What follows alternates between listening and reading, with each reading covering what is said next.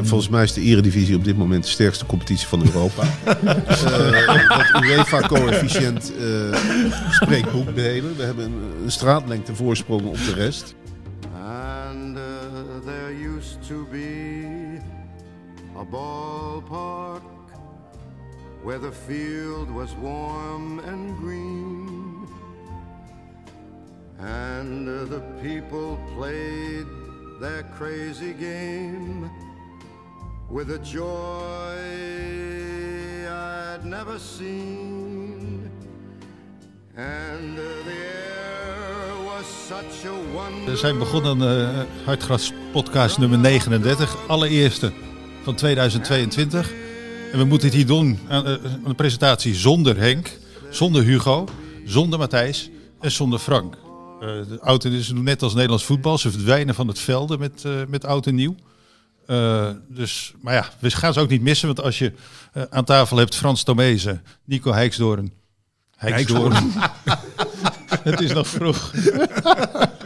Ik vind Nico Heiksdoorn altijd ja, ongelooflijk leuk om naar te luisteren. Klinkt als een diertje. Kijk, een Heiksdoorn. En de laatste gaat goed. Marcel van Roosmalen. Maar die heeft Nico verdiend, want die uh, kondigde gisteren op Twitter aan dat hij heel hard over het museumplein hier naartoe zou komen lopen. Ja. En Nico was tien minuten te laat, dus we hebben op hem zitten wachten. Ja, ik ben, uh, ja, ik ben, ik heb inderdaad gehold. Het is, ja, we hadden het er net over, surrealistische plek nu, museumplein.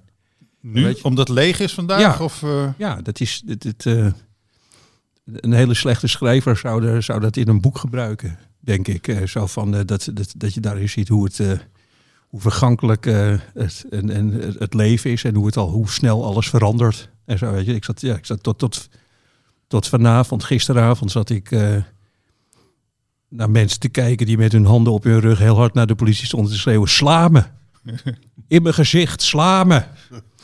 En nu, Werden ze geslagen? En nu, nu zag ik iemand naast een poedel, naar zo'n zo'n zo'n populaire poedel, zo'n zo ruigharige poedel staan. Op een, op een voorkomen leeg uh, plein. Ja. Dat dus. Maar ja, het is geen smoes om te laten komen als het leeg is. Ik kom helemaal uit Leiden. Hier hoor je toch wel een soort hoofdredacteur die in zijn vrije tijd podcast maakt en meteen zijn ondergeschikte begint te knuppelen. Nu die een keer mag. Ging dat, ging dat bij jou in die krant in Catalonië ook zo? Dat je, ik had al gezegd, negen uur dat stuk. Ik word helemaal kapot gemaakt. Eerst mijn naam verkeerd en nu dat ik te, la- en dat ik te laat ben. Dus het is gewoon een heerlijke, een heerlijke opening. Ja. Nou, in Spanje zijn we goed in. Want je weet, Spanje is manjana. Dus uh, ja. was gewend ook uh, lekker te laat te komen. Maar dan moeten we het nog ergens over hebben ook. Spanje, ook een mooi onderwerp. Uh, ik denk bij Spanje aan vissen, aan flessen wijn, aan een slecht presterend Barcelona toch ook de Atlantische Oceaan, hè, die tegen die kust aanknabbelt. Ja. Eigenlijk steeds grotere stukken land worden in zee getrokken. In honden, honden schoppen midden op een terras. Oh ja, en ze eten alles hè, wat beweegt. Ja. Als het maar de, de, vegetarisme is daar heel klein nog in Spanje en dat gaat ook nooit groot worden. Gebakken aardappeltjes, uh, patatas brava's noemen. Octopus in het binnenland. Dat heb ik ook nooit begrepen. Hoe komen die beesten daar? De grootste vismarkt van Spanje. Nou, in Madrid. Ik, nu moet ik toch even ingrijpen van Roosbouw. Ik ben toch ongeveer een half jaar geleden met jou in uh, Arnhem geweest. En dan stond je echt bijna te huilen ergens in een visboer dat ze daar de beste haring van Nederland hadden. Dat is het gewoon bijna tegen de Duitse grens aan. Ja, maar die komt via de Rijn uh, speciaal naar Arnhem. Ja, ja. tegen de stroom op. Heerlijk land, uh, Spanje. Ook voor Luc de Jong trouwens. Heb je Luc gezien? Zeker. Ja. Ja. Het is... Ja, ik vind dat wel echt uh, juichen om Luc de Jong in Barcelona. Nu is het uh, de val bijna compleet. Ja. Nog even en dan zijn we echt van Barcelona verlost. Dat vind ik een heel prettig idee. Toch als hij, ja, als die bal op de lat, die, die omhaal, als die, als die twee centimeter lager is, dat is, dat is het natuurlijk. Dat wordt, wordt er nog twee jaar over nagepraat. Uh, dat, was wel, was wel, dat doet hij wel meer. Hè? Ik heb hem veel meer. Het is wel de koning van de omhaal, Luc de Jong. Wel vaak de mislukte. Ja. maar hij kan dat wel. De omhaal, dat is ook wel mooi, toch? Als je dat... Uh... ja, zo heet, zo heet mijn boek toevallig. Besef ik, realiseer ik me nu. Nee, maar ik, ik heb het hem wel meer zien doen. Ook bij PSV. Gewoon, het is, hij wordt wel altijd weggezet als, een, als, als iemand die lachwekkend niet technisch is. Dat nou. is volgens mij niet waar. Of de makkelijke kansen mist en zo. En dan ineens zo, zo'n zo'n omhaal. Maar je proberen Luc wel eens technisch neer te zetten. Want er was ook geen- een filmpje werd er vrijgegeven dat hij de bal hoog hield met Frenkie en Memphis. Dat was volgens mij bedoeld om eh, een heel nieuw imago. Om te laten wat- zien dat hij... Ja, Wat een, wat een zielig driehoekje eigenlijk, als je daarbij nadenkt. Memphis, Frenkie de Jong en Luc de Jong. In, een is- in een restaurant met z'n drieën. Ja. Aan een pizza. Maar Edwin, jij moet toch ook, jij woont dan in in Barcelona de helft van de tijd, begrijp ik. Ze zullen jou er toch ook wel eens op aanspreken. Eerst loop je de hele tijd rond te tetteren van en de Nederlanders dit en de Nederlanders dat. Ik neem aan dat je het nu ook wel terugkrijgt. Ah, voortdurend. Wat ze nee, dan? je, je bent afhankelijk van, van, van wie er is. Dus onder Cruijff en zijn dreamteam waren wij alle Nederlanders werd je overal uitgenodigd. Toen Van Gaal kwam, toen zeiden ze, zijn jullie allemaal zo? Eh, maar hij gaat nu weer zijn imago verbeteren, geloof ik, eh, in een film, zag ik. Dat mag hij dan in Spanje ook wel eens gaan doen, want daar hebben ze niet zulke goede herinneringen aan hem. Dus ze zijn alle Nederlanders zo. Als ze verliest, dan, eh, ja, dan krijg je onder Koeman kreeg het ook weer klappen als Nederlanders. Van nou, jullie zijn niet de, de helden die we dachten. Dat, dat was natuurlijk, dat, dat krijg je altijd. Maar, Maar, maar nu kun je je ook niet meer verdedigen. Toch? Wat, wat moet je nog terugzeggen? nou, nou ja, dat, dat doe je niet eens. Het interesseert ze daar ook minder, het voetbal nu. Het lijkt ineens of, of ze dat helemaal... Net, net, net, net zoals jij tegen Barcelona een keer gaat, de mensen daar, die geloven het allemaal wel. Ja, gisteren leven ze dan even op door Luc de Jong.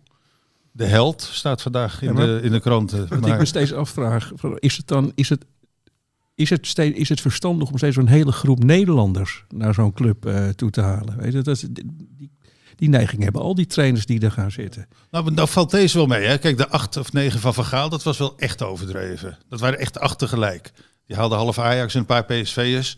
En, en toen was die hele kolonie. Maar je, bij elke club, overal op de wereld, heb je toch altijd minimaal twee of drie Argentijnen PSV, of Brazilianen PSV, of Mexicanen. Ja. Dus die drie vallen niet zo op eigenlijk. Dat, eh, het wordt niet als een, kolo- een Nederlandse kolonie beschouwd. Er zitten ook drie, vier Fransen bij, bij Barcelona. Daar, daar hebben we het dan niet over. En die doen het ook ja. niet eh, even goed. Dus eh, dat, dat valt het, is, het was meer onder verhaal dat echt een Nederlandse kolonie. Daar gewoon er stonden ook een acht Nederlanders op het veld tegelijk. Ja, dat, eh, dat pikken ze dan niet. Zeker als je niet vindt. Maar Spanje eh, werd nog gevoetbald gisteren in Engeland. Zo. Hier is een oude discussie. Moeten we hier niet gewoon blijven? Het is prachtig weer, toch? Dit weekend 15 graden. Wanneer gaan we nou in Nederland gewoon door blijven voetballen? Nou, als ik gisteren naar Chelsea-Liverpool heb gekeken, doe maar nooit meer. Eigenlijk in Nederland. Ik vond het echt zo'n goede wedstrijd. Ja, en Dat ik Arsenal gewoon- City ook. Ja, dat ik echt, dat je ook vooral die eerste helft, weet je wel, van eh, Chelsea-Liverpool, dat je denkt van waar, waar zit, waar zit ik daar echt gewoon iedere, ieder weekend naar te kijken. Het is gewoon, het is veertien keer langzamer hier. Ja, het komt ook door die Duitse trainers, denk ik. Hè? Die eh Klopp en die, eh, die andere, dat knaagdier. ja, ja. ja. Daar, had ik, daar, had ik, daar, zou ik, daar zou ik gisteren wel graag. Daar zat ik wel diep naar te verlangen dat er een aparte camera op Jurgen Klopp stond. Die dan thuis in, in dat trainingspak met dat gebit. Thuis, thuis naar Chelsea-Liverpool moest Ja. kijken.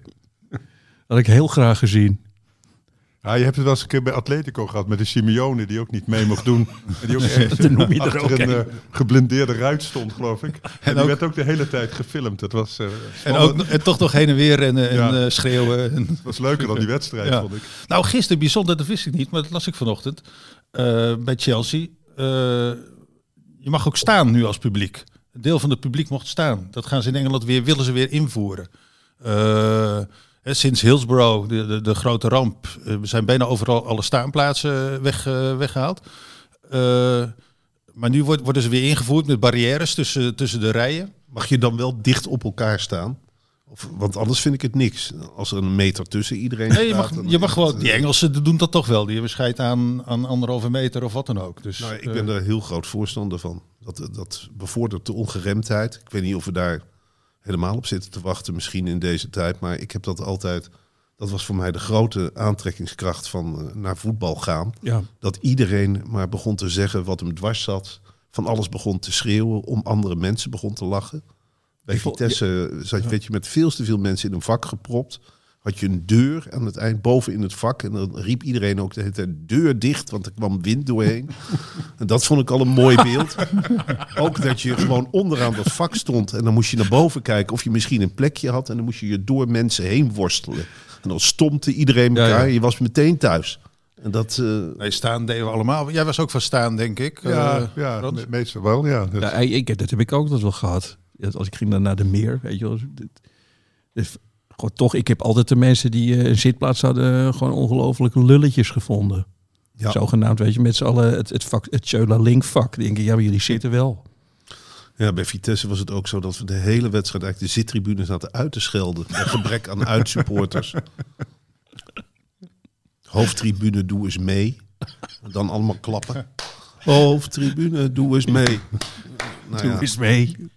En deden ze mee? ze deden nooit mee. Bij de promotiewedstrijd. Toen eh, werd er in één keer geklapt. Tegen Helmond Sport was dat. Toen deden bij Vitesse overigens een... Vitesse had toen een Deense international gekocht. Michael Madsen. En dat bleek een handbal international te zijn. En dat is echt waar. en die scoorde. Zonder werd handspraak. aangemoedigd met de kreet fladderen. En ik weet nog steeds niet wat dat is. Dat Deens. Fladderen. Nou ja. Ooit een keeper van Barcelona heeft mij nooit meer willen aanspreken. eh, omdat ik hem in de krant een handbalkeeper had genoemd. Dat best wel goede keepers zijn eigenlijk, lijnkeepers. Dat was die Busquets, die ooit door, door Cruijff...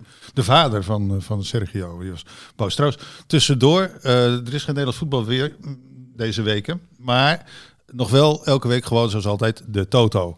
En dankzij de Toto kunnen wij hier een beetje babbelen over voetbal en over niet-voetbal. Het is een geweldig bedrijf, Toto. Ik vind het echt... Ja.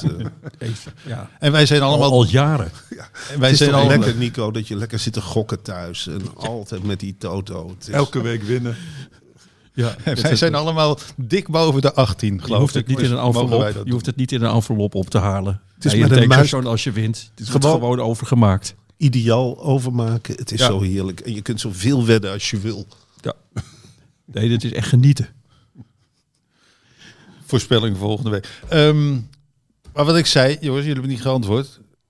Jij vindt dus dat we niet moeten gaan voetballen. Maar de, eh, Nou ja, ik nou vond, nee, dat- ik vooral dat- wilde zeggen was De Eredivisie gewoon- moet helemaal niet meer opstarten Ja, dan. ik vond die wedstrijd, ik heb gisteren gewoon, ik merkte dat ik heel erg eh, zat te genieten van die wedstrijd. En ook wel, ja, toch ook wel weer een beetje lullig over de, de teloorgang van eh, Virgil, Virgil van Dijk. Die speelde echt als een dwijl gisteren. Mhm.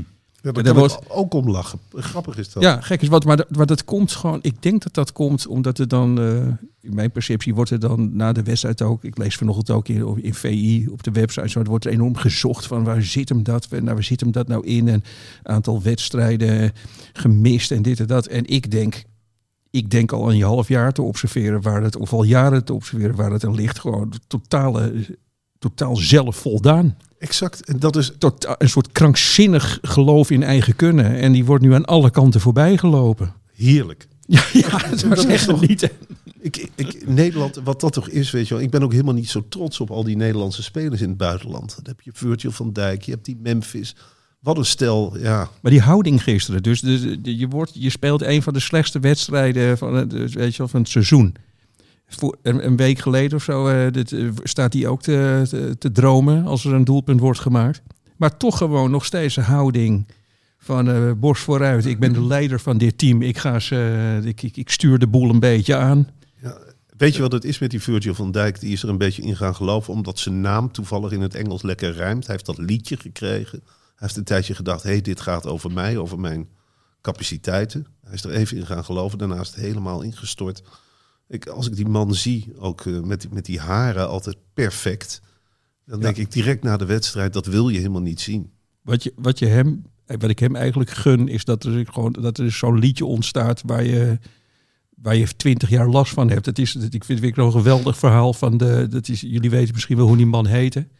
Heb ik het volgens mij wel over een jaar of twintig geleden. Deed er een voetballer in Engeland mee. Die had, iedereen dra- draagt zijn haar nu zo, maar die had voor het eerst dan al die rasta, eh, die rasta bos die had hij omhoog met een elastiek eromheen. En die, die, dus die, die ging wel lekker. En toen eh, kreeg hij dus in heel Engeland, dus op een gegeven moment dat het populair werd, zongen ze... He got a pineapple on his head. He got a pine, pineapple. Helemaal kapot die jongen, hè? Maar dit betekent Gascoigne die werd teruggestuurd van de training. Omdat hij met ook zo'n dacht, ik moet ook iets aan mijn kapsel gaan doen. Maar wat kan die dan met zo'n... Ja, Ja, die had ook een soort van die rasta's erin laten vlechten. Die werd weggestuurd. in Italië. Die tra trainer zei, ga maar even weer naar huis, naar de kapper en eh, kom morgen maar weer terug. Ja, toch mis je dat nu wel. Gascoigne die Ja, man. rasta haren heeft. ik, ik mis ook Brian Clough van Nottingham Forest. Kun je je Ja. dat nog herinneren? Ja, Dat was toch met die echt, scheve bek. echt fantastisch dat iemand met zo'n dorpsclub de Europa Cup wint. En dan ook nog... Ik weet nog dat die Ajax in 1980, eh, toen was ik 12, speelde Ajax in de halve finale tegen Nottingham Forest. Toen had hij bij de persconferentie zo'n fles Ajax meegenomen, schoonmaakmiddel. Als grapje. Als grap, nou, als serieus gespreksonderwerp had ik de indruk. En dan denk ik, ja, dan ben je toch een hele grote. Dat is toch een beetje Sven Kokkelman die een meloen meeneemt. Ja, dat- interview. Ik ben heel erg voor attributen. Ja, het is geen humor. ik is er nog humor eh, in het voetbal? Ja, ik, heb, eh, ik hoorde dat jij bedreigd was door Volendammers. eh een week, is dat toch een week geleden lag er toch een paar dode vissen voor jouw huis? Ja, Bij mij lag, ik heb, ik heb toen ik heb heel lullige dingen over AZ gezegd. Lag vanochtend bij mij een, een kaas voor de deur. dus je wordt bedankt. ik vind het ook die heb je heel ook aan leuk. je, dat, aan je eh, werkster gegeven, of niet? Ja, ja. Je weet niet wat ze erin hebben gespoten. Nee, zit er geen bom in of zo? Is een kaasbom? Ja, ik weet niet. Ik zie die eh, AZ-supporters. Ik deel met jou de afkeer van AZ. Ik vind het ook de meest verschrikkelijke club eh, van Nederland. Maar ja, je vraagt je ook af van RKC-supporters. Wat gaan die doen? Worstenbrood neerleggen? Want dat is daar in het Mandenmakerstadion. Zie je dat, hè? De tijd worstenbrood eten. Ja, Ja, ik vind het een leuke ontwikkeling dat ze ja dingen gewoon voor dat deuren je, gaan leggen. En dat, dat ja, dat je per club gewoon iets leuks uitzoekt en bij eh, een criticus voor de deur neerlegt. Dat is wel mooi eigenlijk. Ja. Maar volgens mij vind jij, het, eh, Marcel, het leuker om tegen een club te zijn bijna dan voor een club. Welk, dus AZ is jouw favoriete... Dat vind ik een verschrikkelijke club, omdat alles gemaakt is. Maar er zijn ook wel clubs waar ik sympathie voor koester. Ja. Vitesse, Ja, Vitesse. NEC, eigenlijk gek genoeg ook wel. Dat vind ik echt wel een mooie club. Maar ja, kijk, die, die haat, jij zegt nu haat. Het, bij mij komt dat vooral omdat dat de enige club is waar ik in de buik heb. Ik heb in de buik van de club kunnen kijken, omdat, hij, omdat mijn zoon daar speelde. Dus ik, ik, ik bedoel, hetzelfde gevoel had ik toen ik die heel lang geleden die film over Ajax zag. Weet je wel, daar hoorden ze Engels zingen. Ja, dat, dat, dat- ben je ook een half jaar van slag. En wat Ja. voor imbecielen daar in de rond te lopen. Dus het, is, het komt bij mij wel echt gewoon omdat ik, die, omdat ik het idee heb dat ik die club redelijk goed ken. Omdat ik in de kleedkamer heb kunnen kijken en in het, in het clubhuis. eh, Dat ik die kleinheid heb gezien. Maar ik, ik sluit niet uit dat dat gewoon bij iedere andere club in Nederland het geval is. Eh, Ja, elke club in de wereld, denk ik. Nou ik, las eh, klein het is. biografie van Johan Derksen van Michel. En de, de passage over Ton Harmsen. Dat Ja. Ton Harmsen de gewoonte had om journalisten te slaan. Dat Lou, eh, Lou Bertels, of hoe heette ze, penningmeester in die tijd. Die gaf eh, Johan Derksen een draai om de oren. Ja. Omdat en hij stadion negatief verboden deed hij ook volgens mij. Voor journalisten. Ja, maar, je- maar jullie, kijk, jij hebt, eh, of jullie hebben allebei, zeg maar, aan de andere kant gezeten. Ik neem aan dat jullie allebei veel bij persconferenties Ja, zijn nou, geweest. ja. Of niet? Maar vorige week hadden ze het in, in, hier al in de, in, de, in de podcast over. Van de, Michel van Egmond ook van het meereizen, het, het, het, een voetbalclub meebeleven. Dat, dat is niet meer hetzelfde. Het, is, het zijn nu sectes geworden. Die zijn volledig afgesloten van de buitenwereld door hun eigen mediakanalen. Eh, zij bepalen nu voor een groot deel eh, eh, wat er naar buiten komt. Die, jaren dat jij mocht meekijken bij AZ gebeurt bijna niet meer. Ja, af en toe nu. Zoals Feyenoord, daar hebben ze Disney binnengelaten. Een, eh, Maar ik was niet als journalist, hè? Dat was alleen omdat mijn, omdat mijn zoon daar voetbalde. Ja, ja, ja, was ik daar... En, en dat, dus, dus dat was juist enigszins problematisch. Nee, maar wat ik eigenlijk bedoel, meer bedoel is... Ik ben ook een keer voor een, voor een artikel in de VI ben ik naar een persconferentie geweest bij eh, ook toevallig dan ook weer bij AZ. En dat had ook iedere andere club kunnen zijn, maar gewoon totaal verbijsterd over die nederigheid van journalisten. Dat, dat ik denk van eh, Louis van Gaal zat daar, eh, zat daar toen. Nou, die kreeg een beetje bonje met Frits Barend. Maar dan zag, merkte je gewoon aan die hele zaal zo van... Frits, hou je mond, weet je, dat is niet goed voor ons dit. Is zo van... dit- waar komt dat vandaan? Die Ja, enorme, wil- die enorme is, of word je dan gewoon kalt gesteld? Net, Bijna. Ik weet, wij, wij, wij, niet zeggen, wij- nou, wij zijn oude mannen, we zijn een andere generatie. Toen deed je het anders. Toen, denk ik, durfde je ook meer te zeggen. Ik weet niet, we waren, ik weet niet of we onafhankelijker waren dan de generatie van nu. We zeggen van, je mag bij zo'n club bijna niks meer. Maar ik sta er ook van te kijken hoe, hoe, hoe, hoe nog altijd niet... Wij zijn nooit goede vrienden geweest, maar er is een hele terugkeer. Er is één grote Hosanna-sfeer geweest, gelijk van het begin af aan. Ik was bij de allereerste persconferentie. Nou, de enige kritische vraag die ik kreeg was over Qatar. Maar verder ook helemaal niks. En, en dat is zo, zo blijven gaan. Terwijl er nog wat ouderwetse collega's bij zitten ook, hè, bij die, bij die ik denk, maar ik denk ook dat het gewoon, ik denk ook dat het aan het Nederlandse voetbalpubliek ligt. Je merkt ook, je merkt in zo'n zaal of ook eh, als je op Twitter zit, als Valentin Driessen, eh, of die nou goed is of niet, als die een hele, als die een, een normale kritische vraag stelt, of een keertje tegen verhaal zegt van, maar dat is toch niet, dat is, het is heel raar wat je nu doet. Dan gaat er een siddering door die zaal en dan voel je zo ook gewoon, dan voel je op, op Twitter zo van, oh, weet je, zo ga je niet met een coach om, terwijl ik denk dat je juist precies zo met een coach om moet gaan. Van Gaal heeft wat dat betreft ook een hele dubieuze lijn ingezet. Hè, met, ik weet nog, bij Vitesse begon Aten Mos op een zeker moment Louis van Gaal te imiteren. Door ook, er was een jongen van VI, ik ben zijn naam kwijt. Die is ook verdwenen uit de journalistiek. Hij woonde in eh, Oosterbeek. Die werd in één keer vanuit het niets, toevallig ook in het AZ-stadion, door Aten Mos uitgescholden. Want ja, dat was een beetje nieuw, dat je ze ook nog kon vernederen. En, maar dan moet ik wel zeggen, voetbaljournalisten zijn natuurlijk wel je pest ze misschien ook wel graag als coach. Het is een bepaald menstype waar ik ook niet per se van hou. Ja, maar je hebt toch ook heel veel coaches die heel toegankelijk zijn. Of tenminste helemaal niet zo poespas hebben. Zoals Arne Slot bijvoorbeeld. Of, eh, Ja, maar die wordt dan ook meteen iedereen... Oh, Arne Slot. Ja, ik heb dat niet. Eh, eh, alle journalisten nee, lopen niet, altijd hij is niet dezelfde richting Hij is niet... Ja, maar dat wordt dan niet- als een enorm voort. Hij gedraagt zich normaal. En dan staan allemaal stukken in de krant. Hoera, een normale trainer. Arne Slot. Zijn normaalheid wordt helemaal Ja, dat is uitgemeten. wel waar. Maar ja, ik nou, denk, het interview met, in, het was van de week een interview met AD met, eh, met Arno. En, en de eerste vraag van, het ging over onder andere Giovanni van Bronckhorst, die in interviews nooit wat bijzonders zei. Van, ga jij nog wat bijzonders zeggen? Nou, eigenlijk, het, de boodschap was, we moeten niks bijzonders meer zeggen in interviews, want er ontstaat alleen maar ophef over. En we moeten eh, als trainer ook zo gewoon mogelijk blijven doen. ik heb wel het gevoel bij hem, bij die Arne Slot, eh, in, in tegenstelling van wat ik zag in die documentaire over Feyenoord eh, bij Dick Advocaat. Dus Dick Advocaat, je ziet hem iedere keer naar de persconferentie lopen en dan, dan hangt er zo'n slak in zijn nek. Zo'n zo'n zo'n persvoorlichter, zo, zo, zo'n- die, constant hem in zijn oor aan het fluisteren is. Zo van, je moet, die zit en die gaat misschien een ingewikkelde vraag stellen. En dan ook zie je steeds, als Dick Advocaat weer, dan lopen ze weer uit de persconferentie. Eh, Vraag Dick aan die gast, weet je. Ging- goed? Ja, ging goed.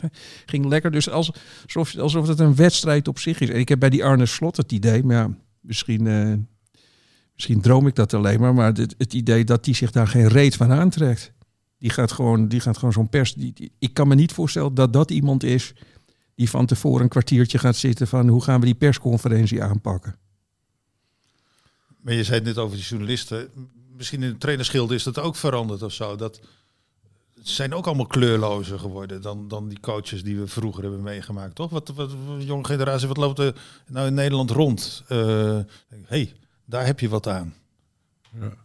Ken jij ze? Ja, ik ken ze Nee, niet. maar dat geldt. Ja. Als ik aan Ja. de literatuur denk, is hetzelfde. Maar ik denk dat het ook te maken heeft. De, de, de mensen die iets kunnen, die zijn heel normaal geworden. De mensen die niks kunnen, die stellen zich enorm aan. Dus als Ja. jij gewoon over straat loopt, lijkt, is het dat je een, een en al kunstenaar ziet of eh, mensen die eh, hè, de, zich eh, extravagant uitdossen. Dat is natuurlijk het, het recht van, eh, van, de, van iedereen geworden om, om je aan te stellen. Dus ik denk dat de behoefte om, om raar te doen, zou ik maar zeggen, wat misschien nog in die generatie van de jaren 60, 70 een voorrecht was voor de hoger eh, ge- geplaatsten, dat dat nu het recht van iedereen geworden is. Dus dat, ja, dat, je, dat je je tijd daar niet mee voldoet. Ik, ik merk zelf ook wel, jullie zitten op Twitter en dat soort dingen. Je wordt ook wel gek van alle. De Van, eh, aandachtseconomie is natuurlijk wel ja. ontploft. Dus ik Ja. denk, eh, even rustig, dan, dan heb je ook nergens last van. Dan kun je je eigen dingen blijven doen. Ik denk als een trainer bezig zou gaan met zijn eigen show. Hè, laat ik zeggen, Simeone noemde ik net, of Klop en dat soort figuren. Ja, dan ben je misschien bang dat je niet meer aan je, aan je, aan je, aan je werk toekomt. Kijk jij er tegenaan, Dijkhuis? nou, ik, ben het wel, ik ben het wel erg met Frans eens. Ik heb bijvoorbeeld dat over dat Twitter. Ik zit daar inderdaad heel veel op. En ik merk wel dat, ik kan me nog herinneren, ik had toen een soort akkefietje. Ik had iets gezegd over eh, John, John Eubank. eh, dat hij, eh, dat hij voor, het, zeg maar, voor het schrijven van het Koningslied een, milde steniging verdiende. Had ik, had ik, had ik geschreven. Want, Ja, wat je natuurlijk gewoon. natuurlijk ironie en zo. Nee, goed, dat hoef ik verder niet uit te leggen aan jullie. Maar dus, dus ik, maar ik had het op dat moment, had ik dat het een paar uur later, had ik een lezing in Groningen. Dus ik was twee uur, had ik dat ding niet aan. Dus ik zet mijn telefoon weer aan. Weet je, dat, nou, dacht ik van, ik moet een half jaar in een bunker. Dus ik bel, ik bel jij, Tanja. jij riep op tot geweld. Ja, nou, ja, weet je wel, echt mensen, weet je wel, van Ja. dat, dat het gewoon, dat is zo overweldigend. Dan krijg je gewoon duizenden, nou ja, Marcel tegenover me, die, die, die kent, die weet inmiddels niet meer beter. Dan krijg je zo'n ongelooflijke agressie op je af. Dus ik bel eh, Tanja, mijn vriendin. Een soort van, van jeetje, wat, wat, wat er nou aan de hand is. Dus die onderbreekt me halverwege. Zegt Nick, ik heb geen idee waar je het over hebt. geen idee waar je het over hebt. Waar heb je het over? Ik weet gewoon, ze zegt, ik weet niet eens dat er een koningslied is. Weet je, dus dat is gewoon, het, het bestaat inderdaad alleen maar, eh, het bestaat, eh, voor een groot gedeelte bestaat dit soort onzin alleen maar eh, ja, in, in een soort hele selecte, rare soort groep. Waar ik inmiddels ook bij hoor. Op Twitter, die zich gewoon heel erg druk, die de hele dag zitten te kijken eh, naar wat, wat, er, wat er mis is. En er zijn natuurlijk ook nog gewoon mensen, ja, die gaan hun hond uitlaten. Die zeggen, het is lekker weer, ik koop een detje sinaasappels een keer. Ja. En, en in de voetbalwereld is het ook nog eens zo dat iedere club heeft een aantal vaste twitteraars. En die zijn zo fanatiek dat je... Ik ben, eh, ben op een zeker moment maar begonnen met Vitesse te prijzen. Als ze wat doen, dan zeg ik Ja, dat is heel grappig trouwens. prima. En eh, goed Maar plan ze zijn meteen Vitesse. beter gaan voetballen, Marcel, sinds jij ze Ik ben een keer aangesproken op het station in Arnhem door een man eh, die werkelijk eh, het slijm liep hem uit de mond van woede toen hij me zag. Nou heb ik je, dat was al Ja. de begroeting. En jij moet niet denken dat je namens Vitesse spreekt. Wij zijn Vitesse, hè? je bent niet alleen Vitesse. Ik zei ja, maar ik kan er niks aan doen. Ik, ik geef af en toe antwoord op een vraag. Ik, Vitesse is niet van mij, het is van jullie. Alsjeblieft, hou het. Dat is een hele goede tactiek die van jou, wat jij nu doet. We, zijn volgens mij een jaar geleden zijn, we- zijn we met Marcel door Arnhem dus gaan lopen. Onder andere toen we naar die visboer gingen. En toen zat jij ook in die, eh, in die modus. Schitterend. Ja. Arnhem, kijk eens, er lopen mensen met volle boodschappentassen. die er En Marcel- zin hebben in het leven. Nou, gewoon met, toch, Marcel in het geel-zwart ook helemaal. Nou ja, in Maar Marcel is ook niet zo iemand. Ik denk hoe boos zou ik op hem zijn. Ik weet niet waarom, maar een soort knuffelbeer achter, die sla je niet in elkaar of zo. Ik denk boze Vitesse Vitesse supporters willen jou wel eens in elkaar slaan of. eh? Dat is wel eens. Na dit eerste Vitesse-boekje eh, ging ik met Esther Bal naar een oefenwedstrijd in Velp, VVO Vitesse. En toen rukte op een zeker moment eh, harde kern eh, mensen op om mij te vertellen dat het een kutboek was. Ja, ik sta er heel erg voor open, dat gesprek. Maar eh, ze lezen, dat kun je. nou, voor de rest ben ik wel eigenlijk wel redelijk populair, maar dat is Ik net graag zo, het gesprek aan met zijn lezers. net zo beangstigend hoor. Ja. Mensen die je leuk vinden zijn net zo beangstigend als mensen die je verschrikkelijk vinden. Ik heb heel veel moeite om met mensen die me leuk vinden om me daartoe te verhouden. Zo lekker ga je. Ben jij iemand die ook zo, als je jullie nu, als je die theatertour doet nu, zo lekker zo op een holletje naar die foyer om jezelf te laten feliciteren met die voorstelling of niet? Nou, dat, ik ben wel een paar keer in de foyer geweest en dat waren vaak eh, ja, rare bijeenkomsten. Wij, mo- wij moesten dat wel altijd van Henk, hè? Ja. Van Henk moesten we altijd zo snel mogelijk eh, naar de foyer. En boeken signeren Dus toch ook? Of ja, niet? stond je daar zo'n Eh, Ach beetje. man, en dan stond ik naast jou. Jij had dan een hele rij.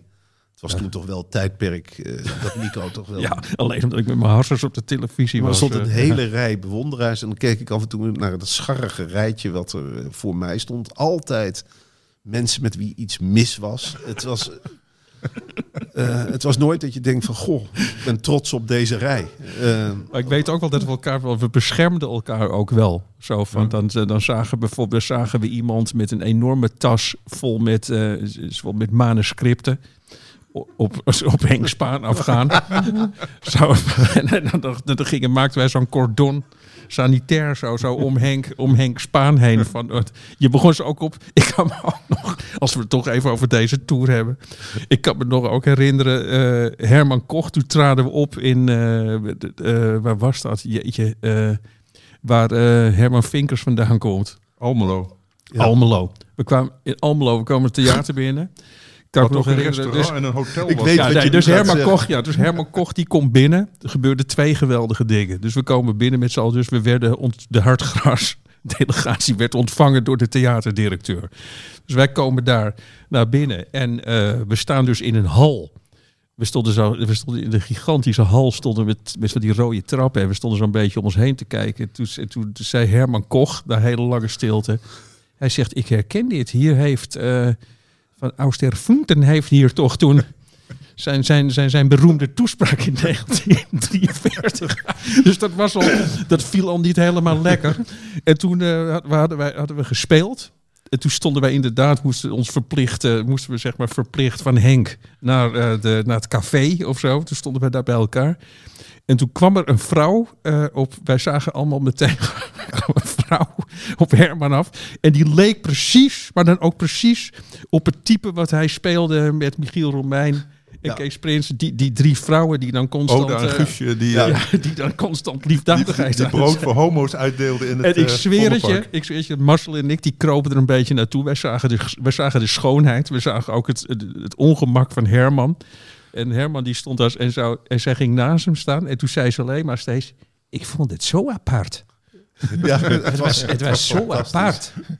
Wat u hiskevet, het was zo apart. en hij, hij was steeds maar, dank u wel. Ja, nee, dank u wel. Die stond gewoon met zijn evenbeeld, stond hij daar te praten. Oh man. Ik herinner me ook, en dat is mijn hoogtepunt. We gingen in Leeuwarden optreden en toen gingen we eten. En dat eten, dat was bij die tour geloof ik een vast onderdeel. Heel belangrijk voor sommigen. Zeker. En toen Henk had een eh, fles wijn besteld, die schenkt in en die zegt... eh, heeft kurk, die wijn heeft kurk. En toen ontstond er een discussie tussen Hugo en Henk. Want Hugo zei, toen de open was, het is wijn met een schroefdop. Dat was trouwens in hetzelfde restaurant. Ze, ze, ze, eh, werd, werden ons de garnalenkroketten werden ons ontraden, want die waren bedorven. die moet u niet nemen. Daar is gisteren iemand ziek van geworden. Maar ik heb ook wel... Was dat niet die Chinees? Nee, het was, nee. En Henk die vroeg toen. Nou, Leeuwarden was wel, was wel legendarisch. Le- Henk die, die hield iemand staande. Gewoon heb je het gewoon over Leeuwarden. Die hield, eh, Henk liep daar al zo in de rond alsof hij ergens in, eh, in Rhodesië zo eh, liep. En die hield toen iemand staande die vroeg, zijn hier ook restaurants? En ik heb ook een keer gegeten, dat was, toen was iedereen heel tevreden. Zei, oh, dit is lekker eten. En dat heb ik uit een kaas leren eten in dit gezelschap. toen werden er gewoon grote kazen gebracht en dat pruttelde van binnen. En dan moest je je, kun je dat nog Ja, herinneren? dat was in Haarlem. Dat was Ja, bij, Frans, jij zat toch ook in het busje? ja, met- nee, dat met, was eh, bij Hartgras? Napoli. Dat is het restaurant van de familie Raiola. Was dat het restaurant? ja, ja. Oh, had ik dat geweten. Ja, was dat bij Napoli? Ja. Maar dan aten jullie altijd voor Dat de voorstelling. Ja, altijd, dat was absurd. Dat was gewoon Enorm. vier gangen. eh, ja. ja. Vier gangen en dan, en dan op een holletje naar het Vloekend theater naar het met, theater. Vol, met volgevreten buiken. En daar keek Anna, Anna Enquist, kan ik me nog herinneren, die keek zo door het gordijn. Zo naar, naar de zaal. Dus hij is over de vervelende mensen vanavond. Maar, maar goed, even voor de voorstelling. Ik kan me herinneren, wij, eh, als je uit Spanje vaak in Nederland komt, nu, nu tegenwoordig. Vroeger kon je alleen in Amsterdam nog na negen uur eten of acht uur. Nu, nu is het ietsje meer. Maar wij, wij, ik kwam soms met hele groepen Spaanse verslaggevers. Dan volgden we Barcelona op trainingskamp in, in Nederland. En dan hadden we een wedstrijd om zeven uur of zo. eh, een keertje ADO Den Haag, Barcelona. Eh, nou, negen uur afgelopen, snel schrijven en de stad in om eten Ja. alles dicht. Dus ja, geen Spanjaard die was wel even om vijf uur aan tafel gegaan om voor de wedstrijd te eten. Daar, daar denk je niet eens aan. Zeker niet in de zomer, prachtig weer. Dus liepen wij om half tien s'avonds door Den Haag. Niks. Niks. Ja, Helemaal. weet- tot, totdat we een Chinees tegenkwamen. En die zag twintig Spanjaarden lopen. Ze wat, eh, wat doet hij? Oh nee, we vroegen, weet u een restaurant hier? Ja, ja, ik, eh, ik heb restaurant. Eh, hoeveel? Twintig. Nou, hij belde de kok. Vijf minuten verderop, restaurant open. En bij de Chinees met z'n allen waanzinnig gegeten. Ja. Maar dat bestond in Nederland helemaal niet. Hey, ik zag die, dit wil ik nog aan jou vragen. Die, ik zag die documentaire over Koeman. En toen eh, eh, werd, daar zie je dan steeds het legendarische restaurant waar eh, Barcelona altijd vergadert en eet. Dat was in mijn, nou, in de afgelopen 20, 30 jaar in mijn hoofd had dat een soort epische vormen aangenomen. Van dat moet, nou, iedereen heeft het er steeds over. Dat is het restaurant, weet je, waar die, hele, waar die Nederlandse gang steeds gaat zitten in Barcelona. En daar, worden, de, daar wordt beslist over trainers. Ik voel dat zo'n armoedige troep. Dat jij, restaurant. denkt, jij denkt Dat zag er via, niet uit. via was Veneto gewoon- of zo. Ja, dat was een pannenkoeken, pannenkoekenrestaurant. Dat is heel veel dingen in Barcelona. De Ramblas. Het is, het is niet eens de Nieuwe Dijk. Ben je daar wel eens geweest? Op die Ramblas. Maar er staat, er staat om, Ze gaan hem opknappen, maar hij is vreselijk. Er staat op de twee meter zo, staat op de twee meter zo iemand die, die dan eh, op, op, op zo'n blok staat en dan eh, weet je wel en verkleed als, eh als kraanvogel, als zilveren kraanvogel en dat hij dan begint, hoe heet zo'n zo'n living statue? Maar ja, dat is, de Rambla is hetzelfde als de Nieuwe Dijk hier. De Amsterdammers zelf komen er niet meer. Je gaat er niet overheen. Geen, geen, geen Barcelonees gaat nog over de Rambla Die lopen. hele kustlijn, dat is scheid in Barcelona. Dat is alleen Maar- is lekker weer. Maar Marcel, dat is helemaal dat, niet... Dat heb je in ieder land. Ik, heb, ik ben toen, dat is ook een aanrader. Ik, eh, wat ik regelmatig deed als ik in Antwerpen was, dan ging ik zitten op een terras waar Nederlanders van de markt afkomen. En dan allemaal met een, met een jong ziek katje met een oogziekte. Weet je, want dat was toen, dat was toen eh, dat, eh, je had in Antwerpen, als je naar Antwerpen ging, was bij veel Nederlanders was een soort, nou, weet je wat, dat, dat, doe je dan gewoon. Je gaat naar Antwerpen. En dan ging je naar die markt en dan kocht je... Vogeltjes maar. Dan kon- Ja, ja, de Het vogels. was veel meer dan vogels. En dan, kon, en dan kon je... Marters. Dan kon je illegaal, dan kon je daar zeg maar, nou niet eens illegaal, daar kon je daar gewoon nog in alle vrijheid. Het is misschien een tip voor alle mensen die gisteren gedemonstreerd hebben. Kon je in alle vrijheid kon je dan eh Mijn Kamp van, eh, van Hitler kopen. Dat lag daar gewoon, eh, dat lag daar gewoon zo lekker zo uitgestald. Kon je verschillende edities. De, de, de luxe leren editie Ja, van die- Mijn Kamp. Daar waren die kopen. Vlamingen destijds gek op. Hè? Dat, Ja, die waren iedere, op. in iedere huiskamer. En daarna, en daarna een, een katje kopen wat je dan drie weken later helaas moet laten inslapen. ja, dat is... Het is wel zo dat plekken waar Nederlanders graag komen, die worden verpest door de Nederlanders. Dat, Zeker. die lijn kunnen we wel ontdekken.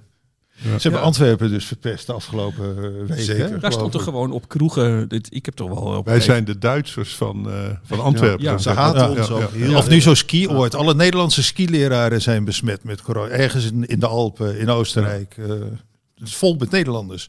Moesten allemaal eens snel gaan skiën nog. Maar er stond toch ook op deuren van Antwerpse kroegen stond gewoon dat je daar eh, er stond, er stond op iedere kroeg, tenminste in de tijd dat ik er nog kwam, van geen eh, eh, hoe heet het, geen bachelor, hoe heet het ook weer zo'n paar- ja, Dat er ja. gewoon, dat er weer, zit je gewoon als Belg, zit je ergens lekker te drinken, komen er veertien Nederlanders De verkleed als Polonaise condoom, binnen, ja. verkleed als condoom binnen. Gewoon met alleen een gaatje zo zeg maar bij hun gezicht geknipt.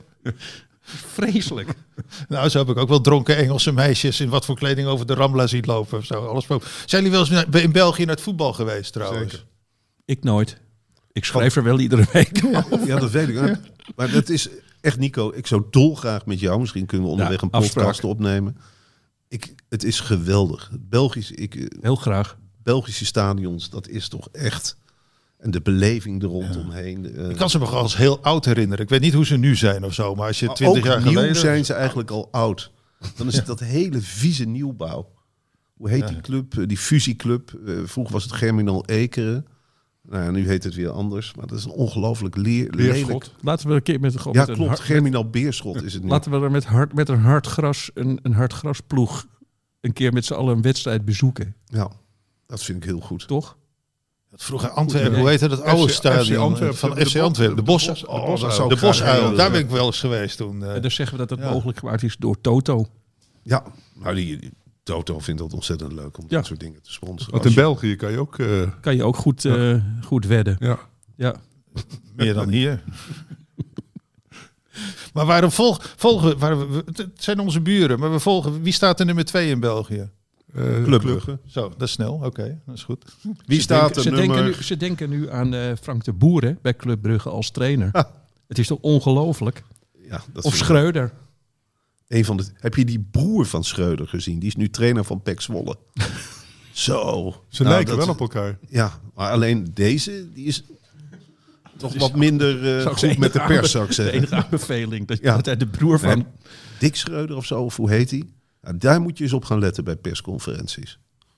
Maar Brugge, weet je, Frank de Boer en Noah Lang, daar verheug ik mij wel op. En Ruud Vormer. Die Ruud ook- Vormer, ja. die opeens helemaal die aanvoerder is en nooit meer speelt. Maar wel heel hard Ja. schreeuwt. Hij heeft, eh, Ja, ja. hij heeft de wedstrijdbeleving. Wel Zo- belangrijk in de kleedkamer. Ja, de kleedkamer, man. ja. Ja, Daar zijn ze mooi ingetrapt, hè? dat we die hebben kunnen slijten daar, die Ruud Vormer. ja. Maar gaat Frank, de Boer- Frank de Boer echt nog een club vinden? Of zo? Ik bedoel, als je zo de naam hebt gekregen, hè, of dat, dat, dat zo duidelijk is geweest dat je selectie als Oranje, Ja. daarvoor ging het goed. Jij bent er, het gaat kut. Er komt een ander, een oude man, en die doet die spelers weer opleven. Kan je als Frank de Boer nog ergens een plooi vinden? Of dat kan altijd in de Emiraten of eh, met je naam als voetballer of wat dan ook. Ja, ik denk in Nederland. Ja, misschien inderdaad bij PEC of zoiets. Hè, maar, Ja. maar Ajax zal hem nooit meer terug willen, denk ik. In Nederlands elftal natuurlijk ook niet. En, eh, Nee, dat is, ik denk dat het voelt steeds alsof, er nog, alsof hij nog steeds steert op eh, die, die zegenreeks bij Ajax. Maar dat, dat was maar met heel iedereen, lelijk. iedereen heel vergeet lelijk dat dat het lelijkste voetbal ja, is ja. wat Ajax ooit, heeft- dat Ajax ooit heeft gespeeld. Dat was gewoon, was ook meteen, toch in het begin van het seizoen, dat ik al dacht van, wat de fuck. Maar dat, de keeper mag niet uittrappen. Het, het, het Ja. was gewoon, stond, er stond een doodstraf op. eh, het- er moest gewoon, er moest echt vanaf de keeper naar voren En je worden moet steeds terugspelen ook. Getikt. Ja. Ja. Vreselijk voetbal. Ja. Maar ja, wel kampioen, zeggen ze dan. Ik zag die AK ook bij City. Die had dat ook. Die speelde ook alleen maar terug. Die, eh, Ja. dat krijgen ze kennelijk geleerd in de Nederlandse opleiding. Barcelona gaat het ook weer doen natuurlijk. Met Xavi moeten ze Nou ook ja, ik vind kort, Frank de eh, Boer wel een leuke coach voor Barcelona hoor. Dan, komt, dan is het wat mij betreft de cirkel rond. ja. Zo heet het boek dan. Als, als er een docu wordt gemaakt Cirkel, over zijn verblijf in de, de- Zo heet die docu dan. De cirkel is Ja. rond. Allemaal cirkels, allemaal rond. Ik ben bij Frank de Boer en Ronald op bezoek geweest. Ongelooflijk aardig, maar die zaten in Qatar. En toen had mij al een belletje moeten rinkelen. Heel gespannen naar het eh, WK lange afstand schaatsen te kijken. Hij en zijn vrouw. Heerlijk De rondetijden te daar echt houden, en Qatar. weet ik het allemaal niet. Het was 40 graden buiten. Ja, 40 graden, die, eh, die, ja, die compound. En dan lekker schaatsen kijken. Ik dacht, ja, Volgens mij heb jij toen ook geschreven, was jij dat? Ze hadden ook een broodmachine ze hadden meegenomen. ook niet gebruikt. Omdat je in eh, Qatar een heel goed eh, bakkertje hebt. Ik vind overigens, ja, misschien hebben we het daar nog niet over gehad. Maar wat mij intrigeert is eh, Qatar. Hè. Ja. Willem Vissers, die, eh, die is er nu heen. En die is nu ten positieve een beetje gedraaid. Het, eh, het Die controleers namens, eh Nederland, Namens ons. Namens, Namens ons is vooruitgestuurd. Om te Ja. kijken. vind ik fascinerend. Maar hij is enthousiast nu over Qatar. Nee, ja, hij staat op het standpunt. eh, we moeten er wel verslag over doen. Dat is onze plicht. En ehm, ja. ja. ik vind dat fascinerend om te volgen. Ja, van je moet er zijn, want als je er niet bent, dan, dan, dan komen wij ook niet te weten wat daar zich werkelijk afspeelt. Zo, maar ja, twee Noorse, wat was het, Noorse of Zweedse journalisten probeerden, die zijn zelfs gearresteerd omdat ze naar, eh, naar zo'n compound waren eh, waar, waar die, al die arbeiders uit Nepal en India zitten. Dus je, je, je kan er niet eens informeren. Goed, want Maar eh, wat- je wordt opgepakt als wat- je... Leg, eh, ik, misschien kan een van jullie mij dat nu eens uitleggen. Dat eh, eh, toen Nederland, Nederland zich niet kwalificeerde voor het EK eh, in, eh, of wat, wat was het? in Rusland. Ehm, dus ik, ik schreef, ik heb daar toen een paar columns in VU ook over geschreven. Denk ik van, nou, dat was dus blijkbaar, dat was dus blijkbaar een oké land, Rusland. Want wij zouden, als Nederland zich had gekwalificeerd, weet ik zeker, was heel Moskou weer op zo'n walgelijke Ja. manier oranje geweest. Was Rode hadden- plein werd ja, oranje weet je wel, zo'n ja, zo'n lint, zo'n lint naar het stadion. En uh, weet je wel, en, uh, en, ik, en ik schreef daar, ik schreef daarover in mijn column van, van, van hoe zou, weet je, van, van, dat was dus, het, nou ja, zo denk ik van als jullie het, stond half Nederland stond in een korte broek langs de, langs de snelweg om de slachtoffers van de MH17 ramp te eren. En dan, en dan gewoon, weet je, een half jaar, drie kwart jaar later gewoon weer met z'n allen waren we gewoon keihard gewoon naar Rusland gegaan. Dus ik snap dat verschil helemaal niet. Ik snap dat verschil niet van het. Ik snap niet waarom dat dan wel oké is. Dat je naar een land gaat waar gewoon constant mensen worden opgepakt. Eh, nu vorige week weer een organisatie verboden die, eh, die, die gewoon historisch aantoont van kijk, toen en toen Stalin, dat is waar niet helemaal lekker. Ehm, en dan nu zeg maar die enorme betrokkenheid eh, met een land, eh, de- met, met gastarbeiders in Qatar, wat natuurlijk ook vreselijk is. Maar volgens mij gebeurt er in Rusland gewoon ook nog wel gewoon het nodige. Nou, maar die betrokkenheid valt wel mee, denk ik hoor. We, we- tuurlijk, er wordt over bericht of wat dan ook. Maar straks, nee, dan, er gaan mensen naartoe. Je schijnt daar, nou ja, ik weet niet hoe je daar, je kan het niet vieren of wat dan ook. Er is geen alcohol op straat of wat dan ook. Maar, Maar er was toch geen toch beweging dat we niet naar Rusland ja, er zijn gaan? dus, nou, er waren wel protesten. Het is altijd wel, er zijn altijd wel protesten. Soms wat groter, soms minder. Maar is hier nou een echte beweging ook om niet naar Qatar te gaan? Nee, er wordt wel inderdaad bij elke persconferentie naar gevraagd, et cetera. Eh, alsof dat erbij hoort. Maar je merkt, eh, als dat eenmaal bezig is, dan zullen er weinig mensen meer over horen. Ja, er zal steeds over, over bericht worden. Maar eh, af en toe hoor ik wel zo'n politicus op de radio, we moeten er eigenlijk niet heen gaan of zo. Of nou ja, laat in ieder geval de koning er niet heen gaan en Rutte. Dan, dan bewijzen we al dat we, dat we er niet, niet voor zijn of zo. Het is nu toch ook met die winterspelen in China. Daar gaat dan Rutte niet heen. Het zal een slag zijn. Ja, ze. ja. het is- Nee, maar het verlangen te juichen is altijd groter, denk ik. Ik denk dat, eh, want dan, anders zou je de helft van die eh, toernooien en wedstrijden moeten af... Hè, dus je zou, zou die Ja. lui ook uit de competitie moeten gooien. Shakhtar Donetsk, of weet je die clubs allemaal. Hè, die zou je er ook uit moeten flikkeren. Maar dat, dat doet ook niemand. Dus dat, Nee. Nee, maar Dus eh, ik, ik ben bijvoorbeeld benieuwd hoe ver zo'n Willem Vissers nog opschuift. Want eh Allard Kalf van de Formule 1, die heeft nu in interviews gezegd dat hij Saoedi-Arabië het mooiste land van de wereld vindt. en dat vind ik toch wel fascinerend. Is dat echt zo? Ja, een prachtig land. Dat moeten we niet onderschatten met z'n allen. Het is duizend en één nacht. eh, mensen leven daar ook als prinsen en prinsessen. ook die moordenaars van die. Khashoggi, las ik, die wonen in prachtige paleizen. Oh ja, echt. Ja. Dat die, man die eh, zeg maar verpulverd Die is. in, eh. in de, in, in de versnipperaar. Ja, ze worden Ja. extra beschermd daar en zo, zodat niemand echt ooit Ja. meer bij ze kan komen. En, eh, ja, die, al die landen zijn. Maar ook die, neer, neer, die, die, die, die lui die, die MH17 hebben neergeschoten, die leven ook als eh, ja, vorsten. ja. Dus daar heeft Nico wel gelijk. En achteraf hadden we toch eh, Hadden we Rusland niet, moeten achteraf hadden we niet, niet moeten. hadden we niet moeten willen gaan. Ja. Nee, maar dat was Argentinië 78 al. Een, een dictatuur toen, maar het was heel ver weg. En was eh, de was dat hoop, nou ik, die Ja, maar dat is, eh, precies, dat, dat, dat is precies mijn punt. Dat, eh, dat uiteindelijk, zeg maar, dat, dat gezonde oranje volksgevoel het altijd wint. Weet je wel, van, zeg maar, van die bezorgdheid. Zo van, het, het, het is, er, is, er wordt nooit eens een daad, daad gesteld. Het is, het, het, is, het is altijd schreeuwen tot, aan het randje. En door een paar, weet je, door Freek die, die dan toe stond te schreeuwen. En uiteindelijk, eh, weet je, ze hebben we het nog over die bal, eh, over het balletje op de paal. Dat zouden we gewoon 40 jaar hebben gevierd. Dat we gewoon in een Maar nou dictatuur... zijn boycotts dus ook. Hè, de, de- Erik van Muiswinkel is altijd voor, geloof ik. Maar boycotts zijn ook wel dubieus. Hè? Dus mensen in die landen zelf die vinden ook altijd dat je erheen moet gaan om dan het met Willem Vissers het onrecht te signaleren. te Want als je, als je die landen negeert, kunnen ze natuurlijk ook een gang gaan. Dus er, zit, er is ook een theorie die zegt dat eh Nee, die boycotten eh, heel goedkoop, eh, goedkoop succes is. Ik, wat ik wel aan zie komen alweer is dat Willem Vissers weer die hardgrasbokaal gaat pakken. Zeker weten. En Voor komt, het, voor het stuk, eh, voor het winnende journalistieke stuk. Over, er komt een prachtige serie in de Volkskrant. Het verhaal Helaas bestaat het die prijs al lang niet meer. Moeten ze weer opnieuw in leven. Dat, nu we een podcast hebben, weer opnieuw de Hartgrasprijs. Volgens mij bestaat die al jaren niet Marcel meer. en ik, die zaten, er was altijd een etentje. zit heel druk te gebaren, Edwin. Dit, Oh, maar we hebben Ja, strijd komt aan hij wil, hij wil iets weten over de Toto. Oh, Hoe werkt dat nou eigenlijk, die Toto? nou dat je, dat je plus 18 moet zijn. Wat is het ook alweer? Dat wil, als je het museumplein ziet, wil nog niet altijd zeggen als je plus 18 bent dat je verstandig genoeg bent om de Toto te spelen. Maar eh, eh, ja, dankzij de Toto, eh, podcast Hard Gras en een groot succes trouwens ook. eh, elke week nog meer luisteraars. En daarom gaan we ook door, zelfs op deze dagen. Als de grote bazen er niet zijn, gaan wij door met, wordt de topscorer? eh, met Hard Gras. En een van de vragen binnen onze Toto-quiz is...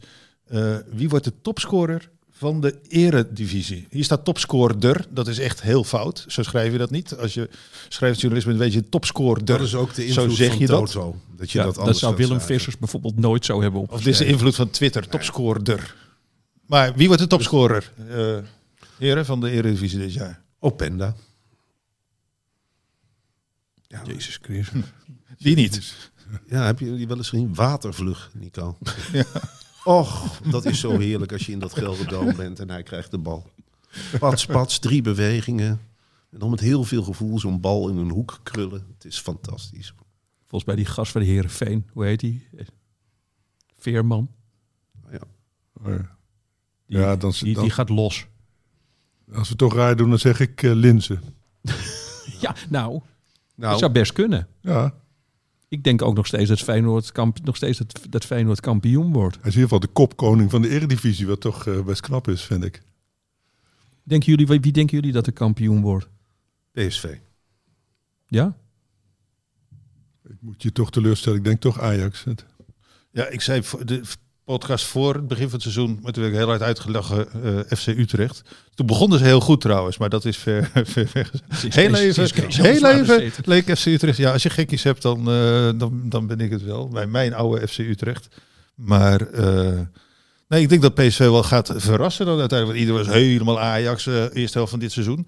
Ze gaan allebei weg ook, denk ik. Of, Ajax gaat naar de Algarve. Ik weet niet wat je allemaal daar nu moet Dat gaan gaat doen. altijd En- mis, hè? Die trainingskamp. Dat wou zeggen, hè? Ja. Feyenoord gaat niet. Nee, naar GRS niet. Nee. Die, eh, Te veel corona-gevallen. Nou, het enige wat ik denk als Madueke weer meedoet, als, die was natuurlijk wel erg goed in het begin hè? Ja, bij PSV. Dat, eh. Ja, maar ik denk toch, eh, ik vind het gek, iedereen zei van tevoren, ja, Ajax moet winnen, want ze hebben zo'n brede selectie. Weet ik, daar hoor, hoor ik nooit, nooit meer iemand over. Dat, eh nou ja, ik, is als argument kennelijk weg. eh. ik had ook, ja, het kan aan mij liggen, maar het- als ik zo, als ik gisteren zo Liverpool en Chelsea zag spelen, nogmaals, en ik me probeerde me voor te stellen dat Ajax daar binnenkort, eh, dat is toch, er hangt toch een beetje. Ik hoor constant van mensen van nou, Ajax eh, maakt grote kans om de Champions League te winnen. Nou ja, volstrekt kansloos gewoon. Nee, dat, Die verliezen met 6-0 van Liverpool, denk ik, van Chelsea. Ja. Ja, maar daar, daarom is juist verrast dat ze in de groepsfase toch wel goed gedaan hebben. Dat ontstijgt toch wel iets, de, de eredivisie. Niet al die tegenstanders natuurlijk. Maar Nico, maar- daar spreek je jezelf wat tegen. Want Van Dijk stond daar te schutteren en die, ze kregen heel makkelijk twee doelpunten Als tegen. Van Dijk Ja, meedoet, is heeft. Ajax echt dan heeft, kans. dan heeft Ajax een kans. Wat Chelsea deed, kan Ajax ook wel, denk ik. Ja. Zeker nu die Bobby Ja, eh, kijk, dat weet ik dus niet. Of dat zo is. Nou ja, ze hebben het in het verleden wel bewezen. Ja, dat is waar.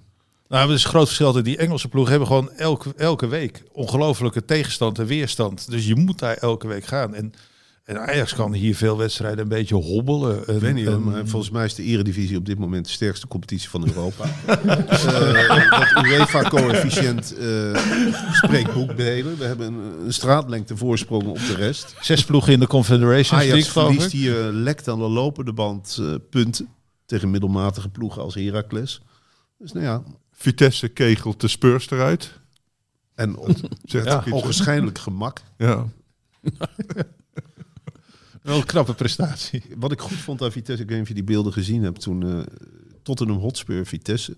Vitesse gaat voor de wedstrijd het, eh, het veld op en inspecteert dat nieuwe ding, dat stadion. Ja. En toen gingen de spelers allemaal tegen Vitesse TV zeggen dat ze niet onder de indruk waren.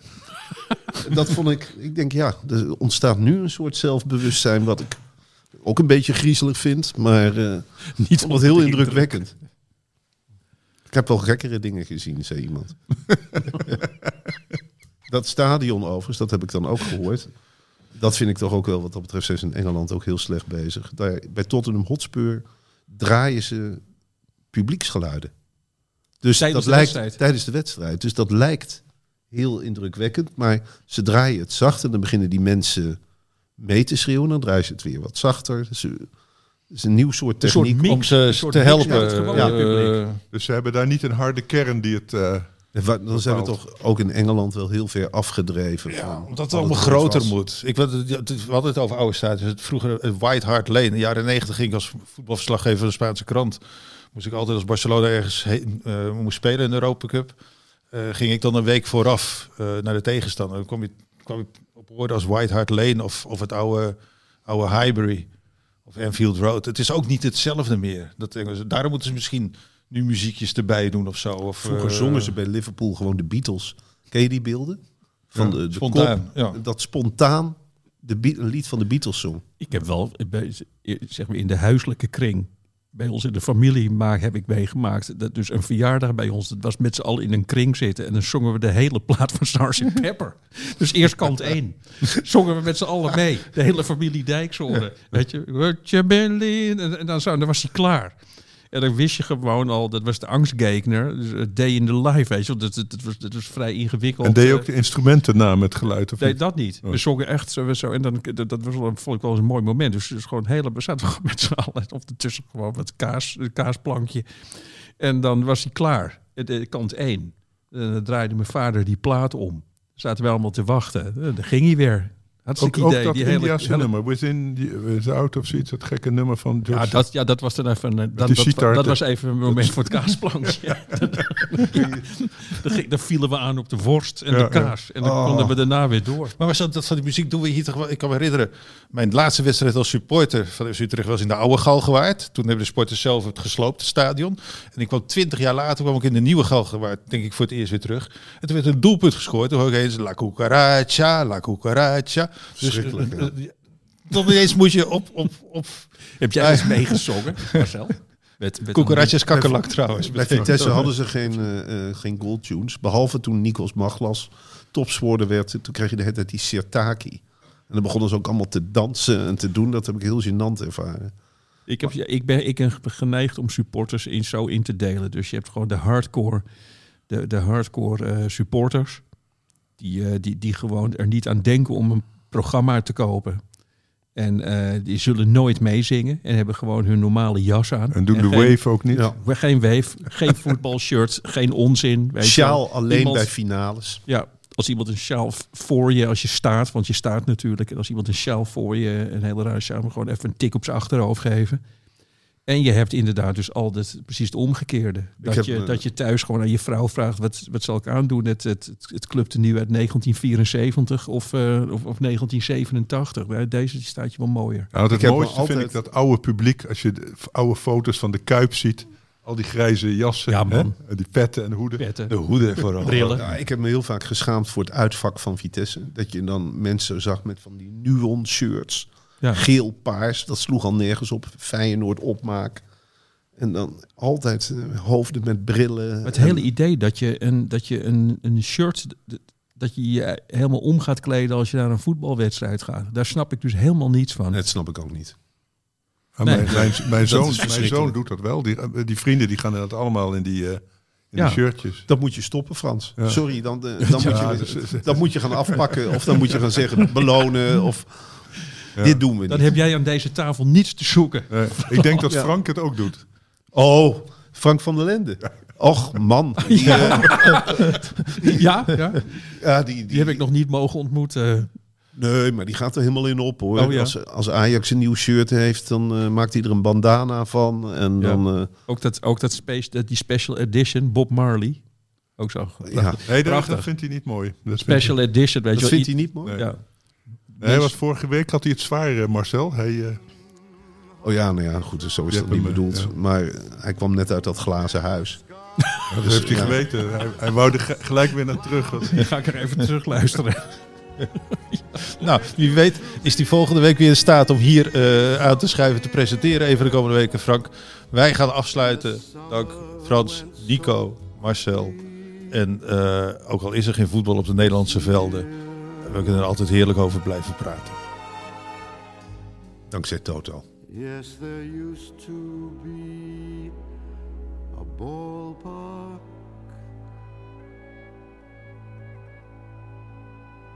right here